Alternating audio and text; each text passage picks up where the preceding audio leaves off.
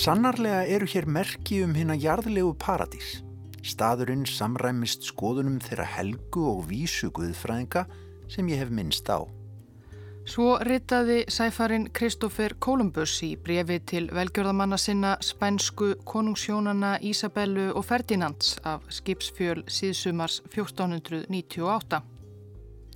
Og aldrei hef ég heyrtið að lesið um svo mikið magn ferskvats, svo nálagt saltvatni og myllt veðurfarið vitnar einnig um þetta. Og ef vatnið sem ég myndist á er ekki úr paradís, þá er það enn meira undur. Ég veit ekki til þess að svo stór og djúb á hafi nokkuð tíman þekst í þessum heimi. Kolumbus, viðförull maður eins og alkunna er, var þarna í sinni þriðju siglingu yfir Allandshafið í Karibahaf. Sjálfur var hann alltaf samfærður í fyrstu ferðinni, annari og þeirri þriðju um að löndin sem hann uppgöttaði, eigur eins og Hispaniola og Kuba og Puerto Rico, væru í Asíu en það keftist hann við að finna sjóleiðin að þángað. En landið sem hann sá úr skipi sínu um miðjan ágúst 1498 var svo stórmerkilegt að hann taldi sig hafa uppgöttað sjálfa paradís Það var ekki bara ferskvatnið sem streymdi í sjóin í þýliku magni að það var augljóst að þetta var ekki enn einn eigin heldur land, líka gróskumikill gróðurinn sem hann eigði handan Árósona. Edensgarður var þetta þó ekki heldur Norðurströnd Suður Ameríku, ósar eins af mestu fljótum álfunar Orinoco, þar sem nú er landið Venezuela, land sem fáir líka nú eflaust við paradís á jörðum.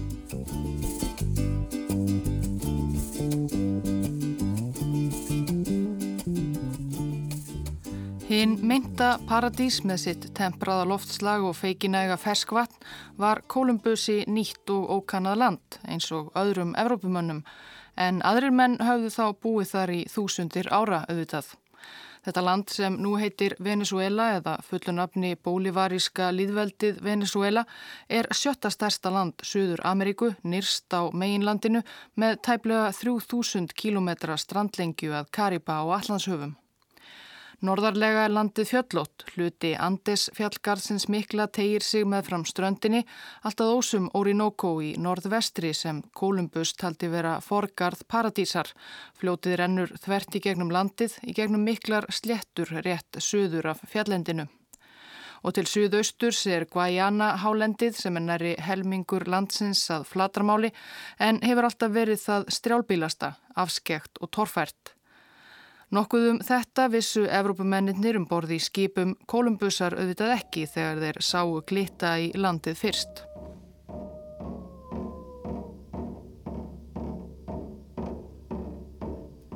Nýja nokkuðum allar þær þjóðir sem höfðu farið um og komið sér fyrir þarna út um allt í fjallendi og sléttum og skóum undanfarnar aldirnar og árþúsundin Þjóðir sem hafa síðan horfið eða tóra enn og teljast til frumbyggja þjóða Suður Ameríku sem við kollum gerðan ránglega Indiána eins og Aravaka og Kariba sem settust líka að á eigum Karibahafsins og gefa því napsitt.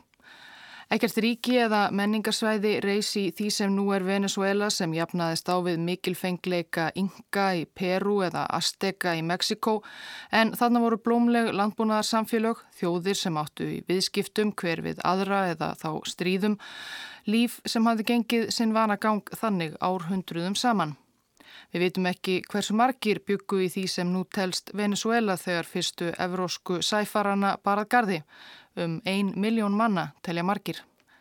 En nú þegar Kolumbus var búin að uppgöta paradís sína myndi þeim fara ört fækandi.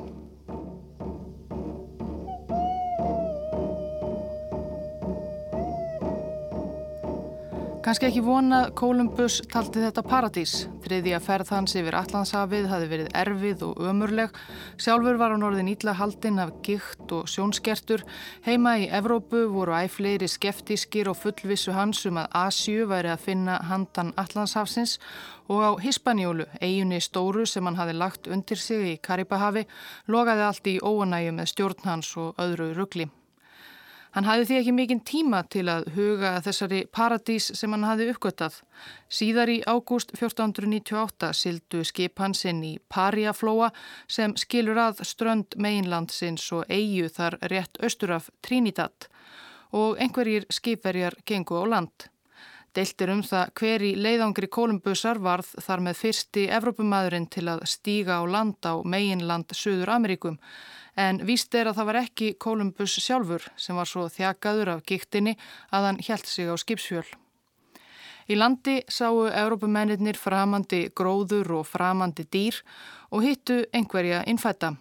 Þeir fyrirnemdu stiltu sig um að neppa þá í þrældóm all ofennulegt með að við framferði Evrópumanna í Karibahavi hinga til.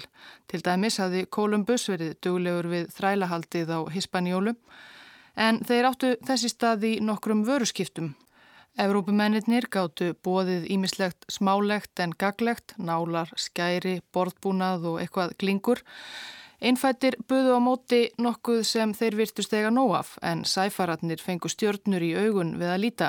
Það voru glitrandi perlur, ógnar dýrar vörur heima í Evrópu. En Kolumbus þurfti að sinna vafstri sínu á Hispanjólu svo að fljótlega eftir að viðskiptunum laug létu sæfaratnir sig hverfa.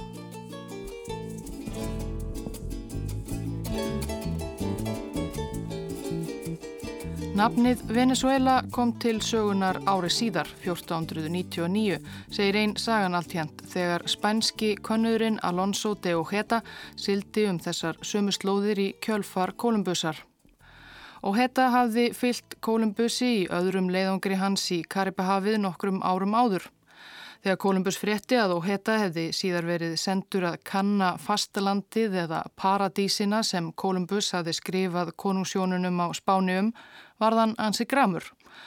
Hann áleit þetta sitt land þó svo að hann hefði ekki einu sinni stíið þar enn á land. Ætla má að perlutnar dýrmættu sem innfættir höfðu skartað hafi líka verið Kolumbussi ofarlega í huga þegar hann frétti að ferðum og heta og reytist svo mjög. En Kolumbus var nú kominn til Hispanjólu og lendur þar í miklu klandri sem oflant mál væri frá að greina hér en hann gæti allavega ekki mikið gert í þessu að sinni.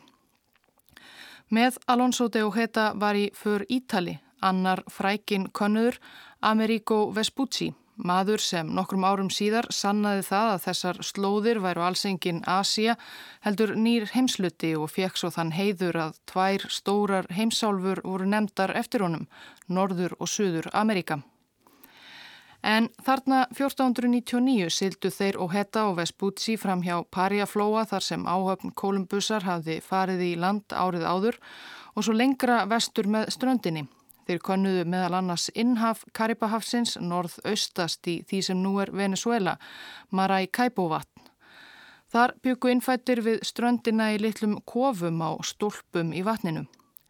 Myndi þetta Amerigo Vespucci nokkuð á búsetuform sem týðkaðist í Fenegjum heima hjá honum á Ítaljum.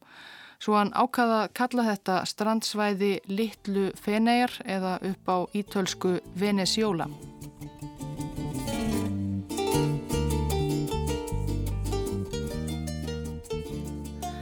Perlur reyndust finnast í miklum mæli við eigarnar úti fyrir norðausturströnd Venezuela og var það aðal ástæða þess að fleiri spænskir leiðangrar voru gerðir þangað út. Reyndar voru þeir umdeldir fyrstum sinn. Þegar Ojeda og Vespucci komu við á Hispanjólu á leið heim úr fyrstu ferðsynni með fram strandlengunni með all nokkuð af perlum og nokkra innfætta þræla sem þeir höfðu pikað upp á leiðinni með fram ströndinni til að selja á þrælamörkuðum heimafyrir Þá urðu fylgismenn Kolumbusar á eigunni svo æfa reyðir að þeir hefðu dirfstað sigla í hans vötnum að það brutust út mannskæð átök millir fylginga landkönnuðana Kolumbusar og Heta. Menn og Hetas báru sigur úr bítum að lokum. Hann notaði tækifærið og tók nokkra af Kolumbusarmönnum höndum og bætti við í þrælahópin, segir sagan. Og árið 1502 fór og hetta ótröður í annan leiðangur til Venezuela og fleiri konnuðir jamt sem framsæknir kaupmenn sildu á þessar slóðir upp úr þessu, aðalega í leit að perlum. Spánverjarnir skiptu fyrst við innfætta á perlum og einhverjum varningi en voru svo fljótir að komast upp á lægið með að handsama bara fólk í staðin og neppa í þrældóm við perluköfun. Það er ekkert fyrirlitlegra eða grimmara en það ofríki sem spánverjar beita indjánana til að ná í perlur. Kvalræði helvítis getur varla verið meira en þær þjáningar sem þeir þurfa að þóla sögum þessara grimtar. Spænskur Dominikanamungur Bartolomé de las Casas reytar svo í verkið stutt frásögn af eigðileggingu Indiana árið 1542. Þeir senda þá fjórar eða fimm álnir niður í djúpið, þar sem þeir eru neittir án þess að geta nokkuð andað til þess að sapna skeljunum sem íleinast perlur. Stundum komaður upp á yfirborði með net full af perlum til að draga andan.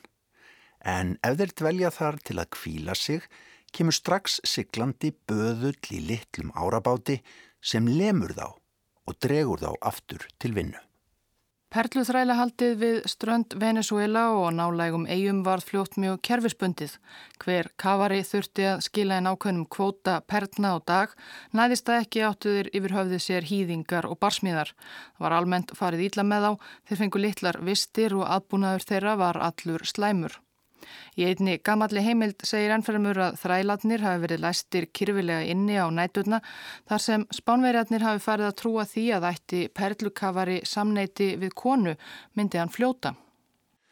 Marg oft drukna þeir við störf sín og sjást ekki meir fyrir þeir berast efst á öldunum og oft eru þeir teknir af sæskrýmslum sem eru mörg í þessum höfum. Og þessi döðdagi er sérlega sásökafullur brjóstið hertbist saman á meðan lungun berjast og þeir deyja ælandi blóði. Í tengslum við perlubisnessin spruttu upp fyrstu byggðir evróskra landnema á landsvæði því sem nú telst Venezuela, fyrst á nokkrum smáegjum rétt undan ströndu þar sem perlur var að finna í miklu mæli og svo við strandlengjum einlandsins sem fekk nafnið Perluströndin. Það er vart hægt að segja þann ég skrifa hversu miklu ránglæti þeir hafa beitt vesala indjána þessa lands frá 1510 til dagsins í dag. Bartolomé de las Casas, áður nefndur höfundur stuttrar frásagnar af eigðileggingu Indiana sem hér talaði, var annars merkileg persóna. Hann kom til vestur India 18 ára með föður sínum sem hafði eignast lítinn landskika á Hispaníólu, eigunni þar sem Kristófer Kolumbus hafi lagt grunnina þeirri samfélagsskipan sem síðan týðkaðist víðast hvar í landnema byggðum Spánverja í nýja heiminum, þrælahald og ofurríki gagvart innfætum.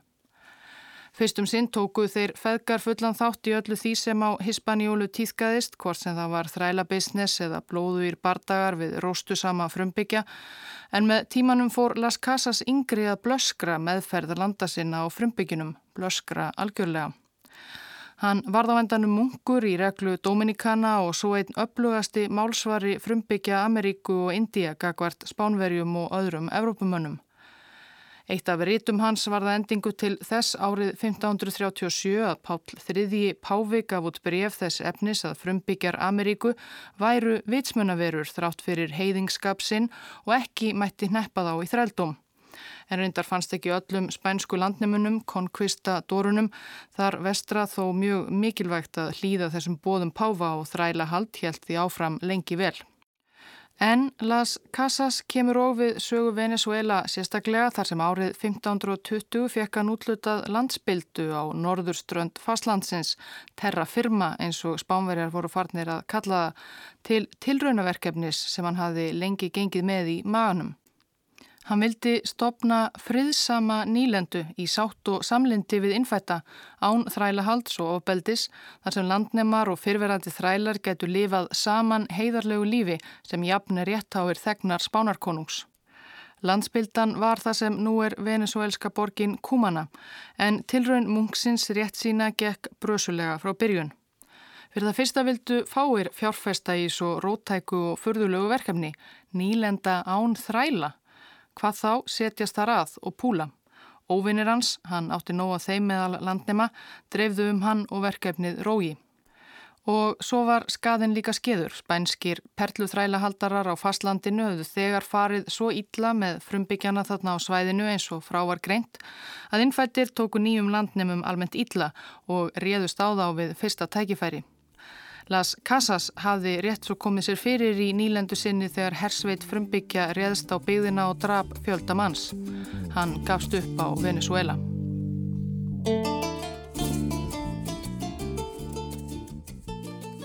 Perlur eru takmörkuð öðlind.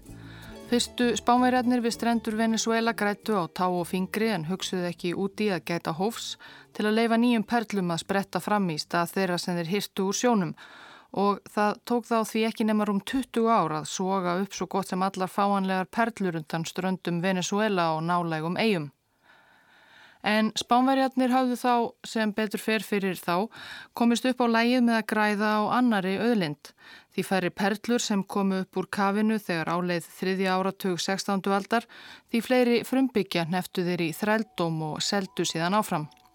Á allmörgum Karipahafsegjum og nokkrum stöðum í Mið-Ameríku voru þá fleiri spænskar landnæmabygðir og nýlendur að rýsa og nóð þörfa á ódýru vinnuafli sem var kunnugt staðáttum. Um leiðáttu spænskir perlu og þrælasalar í nær stöðugum skærum við innfætta á norðurströnd Venezuela sem voru skiljanlega ekki sáttir við þessa innrás ókunnúra kvítingja sem nefti fólk þeirra í þrældóm. En þegar þarna var komið sögu þurftu innfættir ekki að hafa áhyggjur af einmitt spánverjum mikið lengur því það var vona á annari þjóð að kúa þá.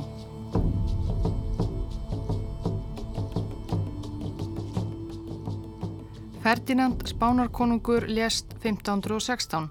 Dóttursónur hans tók við krúnunni á Spáni sem Karl I. 1519 lést hinn afi hans, Habsborgarin Maximilian I, keisari hins heilaga rómverska veldis eða germanska veldisins. Til að gera samfærandi tilkall til þeirrar krúnu líka þurfti Karl á að halda nokkrum fjármunum sem hann hafði ekki yfir að ráða. Spænska konungsríkið stóð fjárhagslega ekki vel á þessum tíma þrátt fyrir nýlendubröltið. Karl fekk að lókum lánaða umtalsverða fjárhæð frá Þískri banka og kaupmannafjölskyldu, Velser fjölskyldunni frá Augsburg sem hafi lengi veitt spánarkonungum fjárhagslega aðstóð.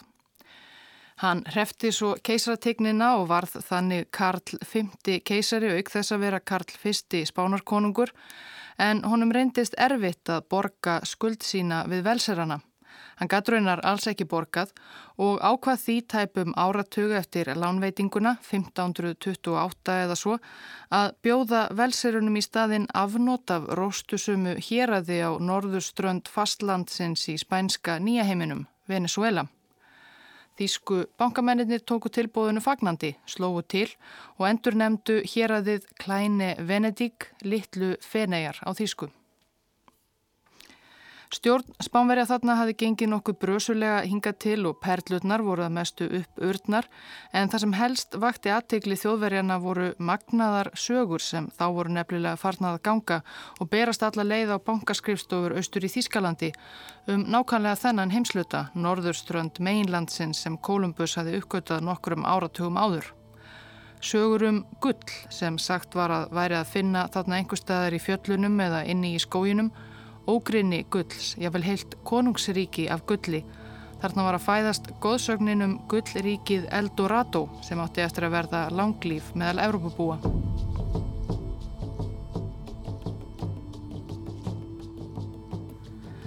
El Dorado, hinn gullsleikni bókstaflega.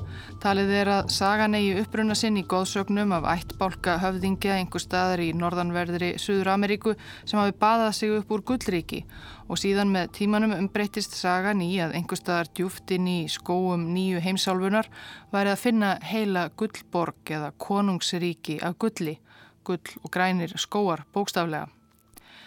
Þýsku bankamennir vissu sem var að þeir myndu ekki hafa afnót af Venezuela að eilífu því lögðu þeir áherslu á skjótan gróða.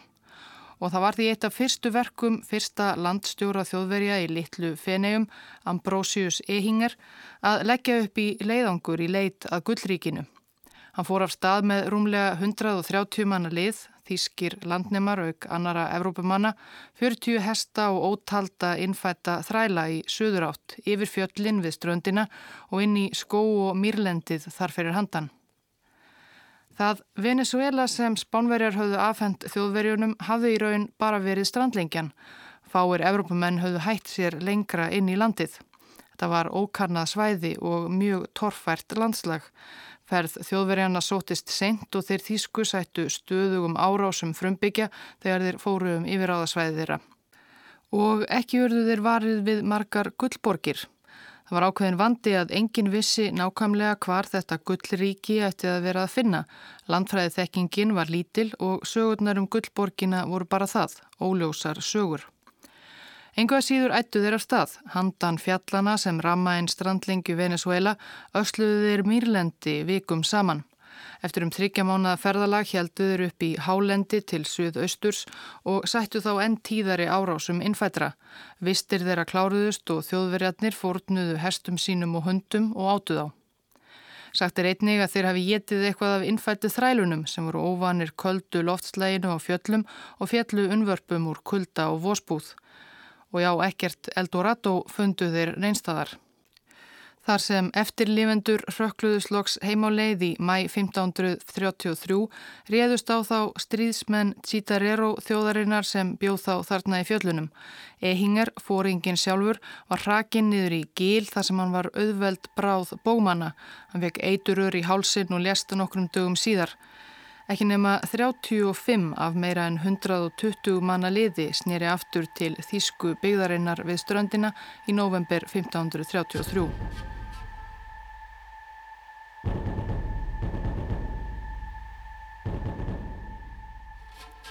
Allt var þetta frekar umulegt. En eftirlifandi leiðangursmenn hafðu þó hyrt nokkuð af gullmunum af innfættum sem þeir strítu við og hyrt sögur af því frá innveittari frumbyggjum að meira gull væri að finna einhver staðar lengra í söður átt. Urðu örlög Ambrósiusar ehingers því ekki til að draga kjarkin úr öðrum þýskum landkönnuðum.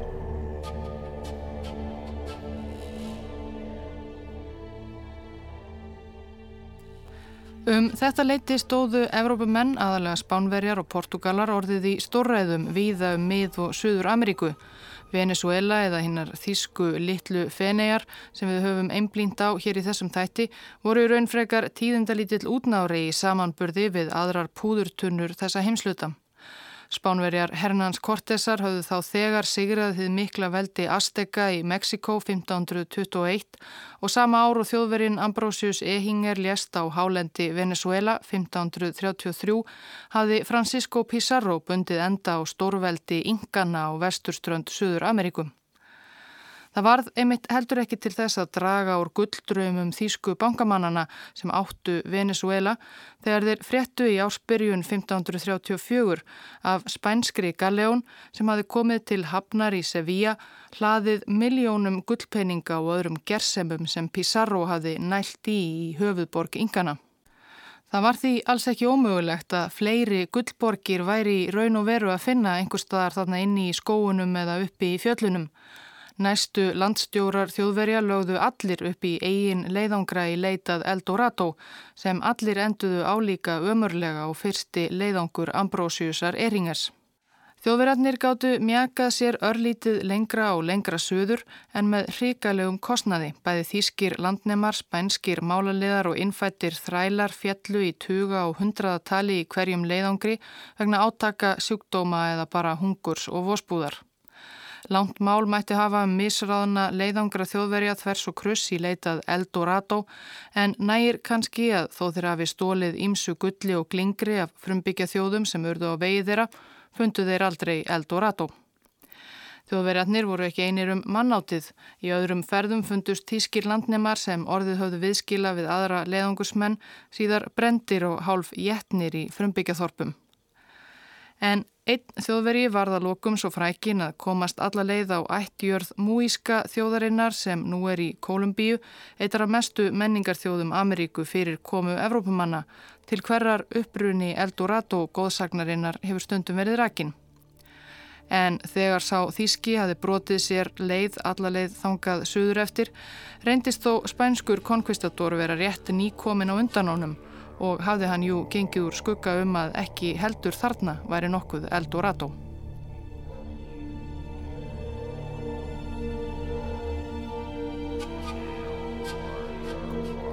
Nýlenda þýsku bankamannana í litlu fennium stóð aldrei fjárhagslega undir sér en það voru yfirstjórnendur hennar sífælt uppteknir við áhættu sama leiðangra inn í landið í leitað fjársjóði í stað þess að byggja upp einhvers konar eðlilegt efnagaskerfi. Landnemar frá Þískalandi dóu í hrönnum í þessum fáránlegu leiðangrum voru drefnir af innfættum eða fjallu úr hitabelti sjúkdómum svo að vinnuafl var af skortnum skamti fyrir utan þræla. Þeir þýskuurðu að lokum að kaupa inn fleiri þræla frá Afríku í þúsundatali til að þjóna þeim og fylgja þeim í gullleitarferðir sínar en þeim vegnaði ekki mikið betur í þessum ömurlegu aðstæðum. Reynda náðu þjóðverjarnir að skapa sér orð fyrir að vera enn grimmari húsbændur en spánverjarnir sem hátna hafðu verið áður. Grimdeira var handan samanburðar. Þeir höguðu sér ómanúlegar en hungraðir tígrar, úlvar og ljón. Munkurinn og baráttumadurinn Bartolomé de las Casas í stuttri frásögn sinni af eidileggingu Indiana aftur. Hann hafði gefið upp á bátinn draum sinn um mannúðlega nýlendu og sömu slóðum en fyldist skelvingu lostinn með aðförum þýsku kaupmannana. Þessir mennsku djöflar gjör eðilöðu 400 mílur af frjósömu landi, víðáttu miklum og dásamlegum sveitum, djúpum dölum og bæjum þar sem mikið var af silfri og gulli. Þeir eðilöðu svo mörg héruð að það er varðla eitt vittni eftir til að segja söguna. Nefna þá að einhver feli sig í hellum eða yðrum jarðar og hafi tekist að forðast það að deyja við ómanúleg sverðeira sem löðra í blóði saklausra indjána. Las Casas var skraudlegur í orðfari og ferði í stílin en öðrum heimildum ber saman um að jafnvel í augum spænskra konkvistadóra hafi þjóðverjar þótt sérlega grimmir.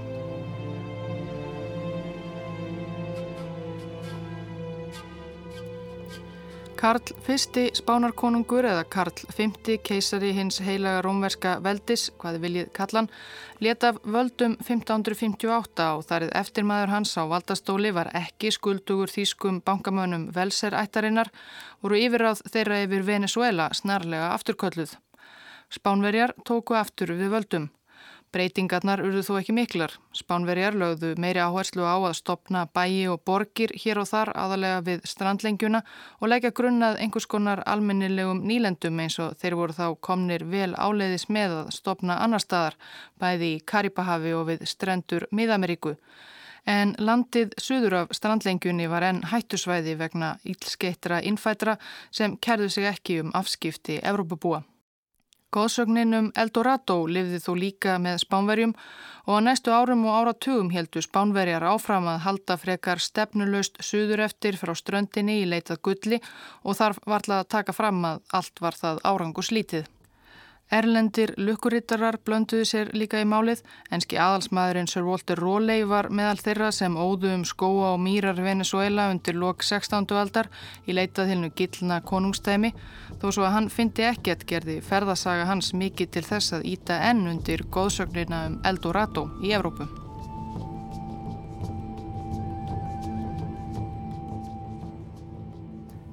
En jájá, þó svo að gullborgin Sú sé enn ekki fundin, en það var hún að líkindum aldrei til, þó einhverjir trúi enn, þá var vissulega gull einhver staðar að finna þarna um slóðir. Og loksum 1560 fundu spánverjar gullgríti í fjöllunum við strandlengjuna í hlýðum Dals sem kentur var við eina frumbyggja þjóðina sem þar bjó, Caracas. Uppgötunin færði krafti í spánverjana sem vildu ólmir byrja gullnám en í Karakastalnum mættu þeir upplugustu andstöðu innfættra sem þeir höfðu upplifað hinga til í Venezuela.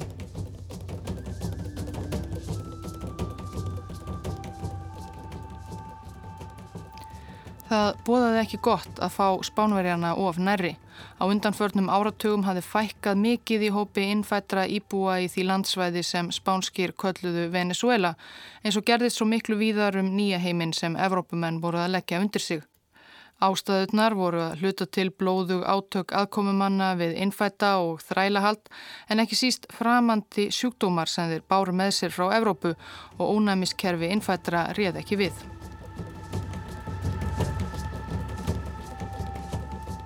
Í og við Karakastalin byggu fleiri þjóðir eða ættbálkar þar á meðal eitt sem kallaðist Tekues og höfðingi þeirra var Guaycaipuru nokkur. Hann hafði tekið við þjóðseinni tvítugur fyrir um áratug þegar þetta gerist og var svo kröftugur leiðtói aðum leið og bera fór á spánverjum snuttandi eftir gulli í hæðum Karakastalsins ákvaðan að sameina þann fjölda þjóða í dalnum undir sinni stjórn og ráðast á spánverjana. Fyrstu gullgravararnir urðu frá að hverfa. Spánverjar gerðu svo tvær frekari tilraunir 1561 og 62 til að senda herlið inn í dalin en stríðsmenn Guaycaipuro slátruðu aðkomumönnunum auðveldlega. Gullnámu áformunum urðu spánverjar því að fresta um nokkur ár. Þetta var erfiðar í mótspyrna en spánverjar höfðu lengi þurft að þóla frá innfættum á þeim svæðum sem þeir gyrntust í nýja heiminum.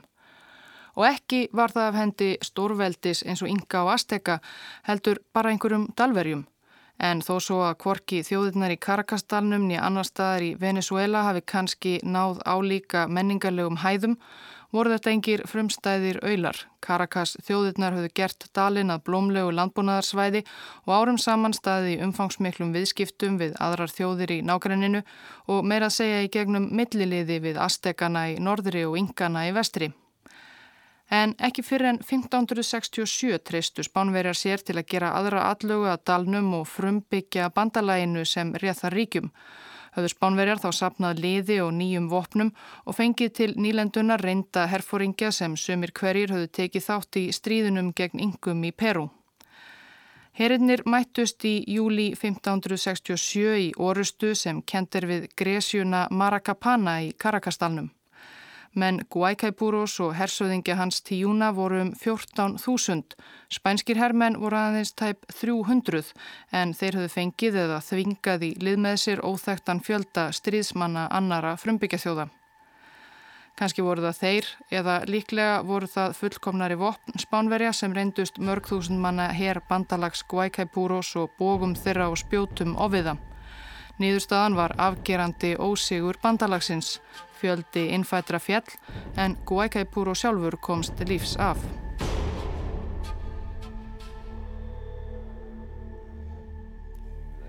Meiri hluti venezuelsku þjóðarinnar er í dag blandaður að uppruna með ættir að rekja til spænskra og annara evróskra landnema, afrískra þræla, nýlendu herrana og frumbyggja landsins. Margir rekja ættir sínar aftur til frækina frumbyggja með stolti og atbyrðir eins og orustan við Maracapana lifa enn með þjóðinni. Það mátti til dæmi sjá í baráttu fyrir fósettakostningarnar 2013 þegar frambjóðandin og sitjandi fósetti Nicolás Maduro hótaði því að þeir sem ekki kísu hann myndu verða fyrir barðinu á bölfun Maracapana þar sem venezuelskir frumbyggjar hefðu svikið eigin þjóð og barist fyrir innrásarherr Erlends heimsveldis.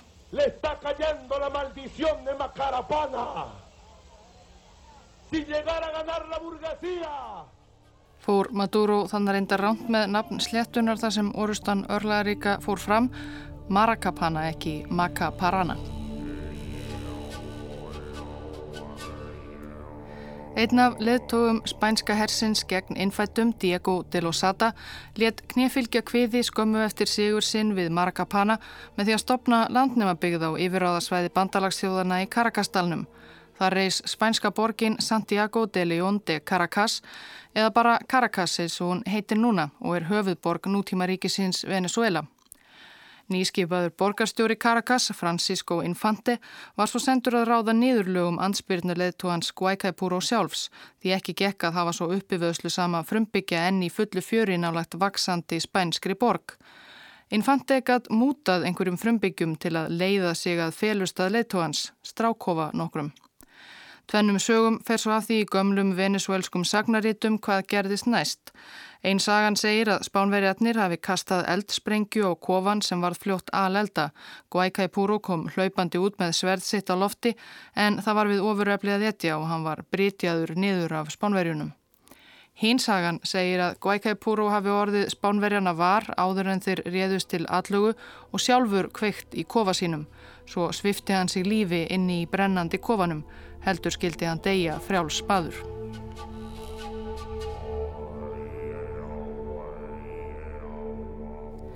Hvor útgáfan er sönn er erfitt að segja og í raun telja nútíma sakfræðingar erfitt að fullir það hvort að maðurannafni Guaycaipuro hafi yfirleitt verið til þar sem heimildir um hann eru svo fáar. Þó að ljóst að frumbyggja þjóðir Karakastalsins heldu lengi uppi öflugur í mótspörnu gegn spánverjum. En Guaycaipuro öðlaðist alltjönd ódöðleika í minni innfættra og er enn í hávegum hafður sem fyrsta frelsishetja Venezuelamanna.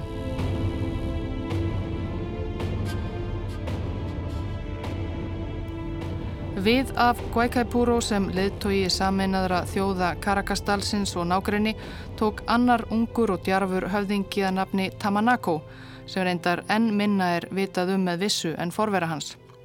Við vitum þó að hann og menn hans heldu upp í stöðugum árásum á spænska íbúa hinnar vaksandi byggðar Caracas svo að það varð verulega óþægilegt fyrir bæjarbúa. Árið 1573 svo mjög að stjórnendur Venezuela sendu eftir liðsauka bæði til spænsku Karibahafs eigana og spænska meginlandsins til að ráða nýðurlögum Tamanaco og félaga. Margar skærur fyldu en loks lauk einni með því að spánverjar umkringdu Tamanaco og menn hans utan við Caracas og tóku leðtóan höndum. Hér aftur er erfitt að segja hvað er satt og hvað er góðsögn en sagan er svo að Tamanako hefði verið dæmdur til dauða spánverjum til hengingar. Hins vegar kom spænskur herfóringi þá með þá hugmynd að skemmtilegra kannski væri að gefa ansbyrnulegðtúanum val. Annarkvort er það en hengdur eins og tilstóð eða hann mætti reyna að berjast við sérþjálfaðan stríðshund teðs herfóringja. Spænsku konkvistadóratnir voru mikið fyrir að nota hunda í hernaði og áttu margir íls víruga og blóðþyrsta bardagahunda. Þessi ákveðni hundur hétt víst Vinur sem hlýtur að hafa verið kaltæðnisleg nafngift. En Tamanako valdi auðvitað að berjast við hundin. Þessi hundur deyr í mínum höndum og þessir grimlindu menn komast að því hvers Tamanako er megnugur, mun hann hafa sagt. Og framið fyrir spænskum áhorvendum sem hefur áraðanlega þótt þetta hinn besta skemmtun áttustir við innfætti herfóringin Tamanako og stríðshundurinn Vinur og bardaginn varð skamvinnur þar sem vinur stökk fljótt á Tamanako og beitan á háls, svo djúft að höfuð frumbyggjans losnaði næri af, segir sagan.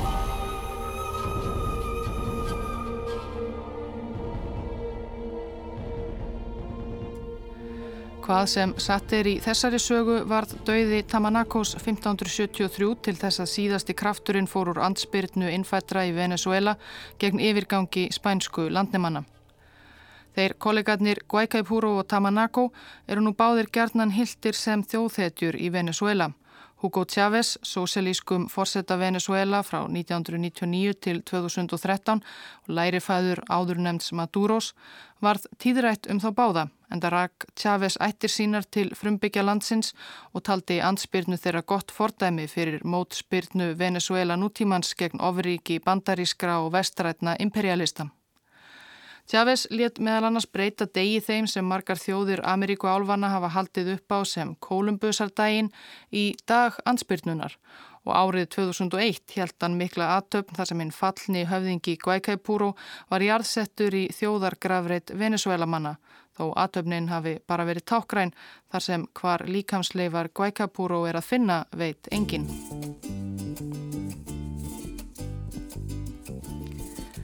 Andstaða innfættra í Venezuela var ekki upp á marga fiska eftir að andspyrnu bandalæði í Karakastal var rækilega kveði nýður og leðtúar þess á bak og burt hvernig sem þeir skildu við. Næstu áratugi heldur spænskir herrar Venezuela áfram að byggja þar upp borgir og bæi og með tímanum varð útnárin Venezuela eða Perluströndin sem þó hafi verið fyrsta fastlandið sem Kolumbus kom auga á að almennilegum hluta af spænska nýlenduveldinu í Suður Ameríku. Þeim innfættu sem þá hafðu ekki fallið í stríði eða úr sjúkdómum eflust ekki til mikillar gleði.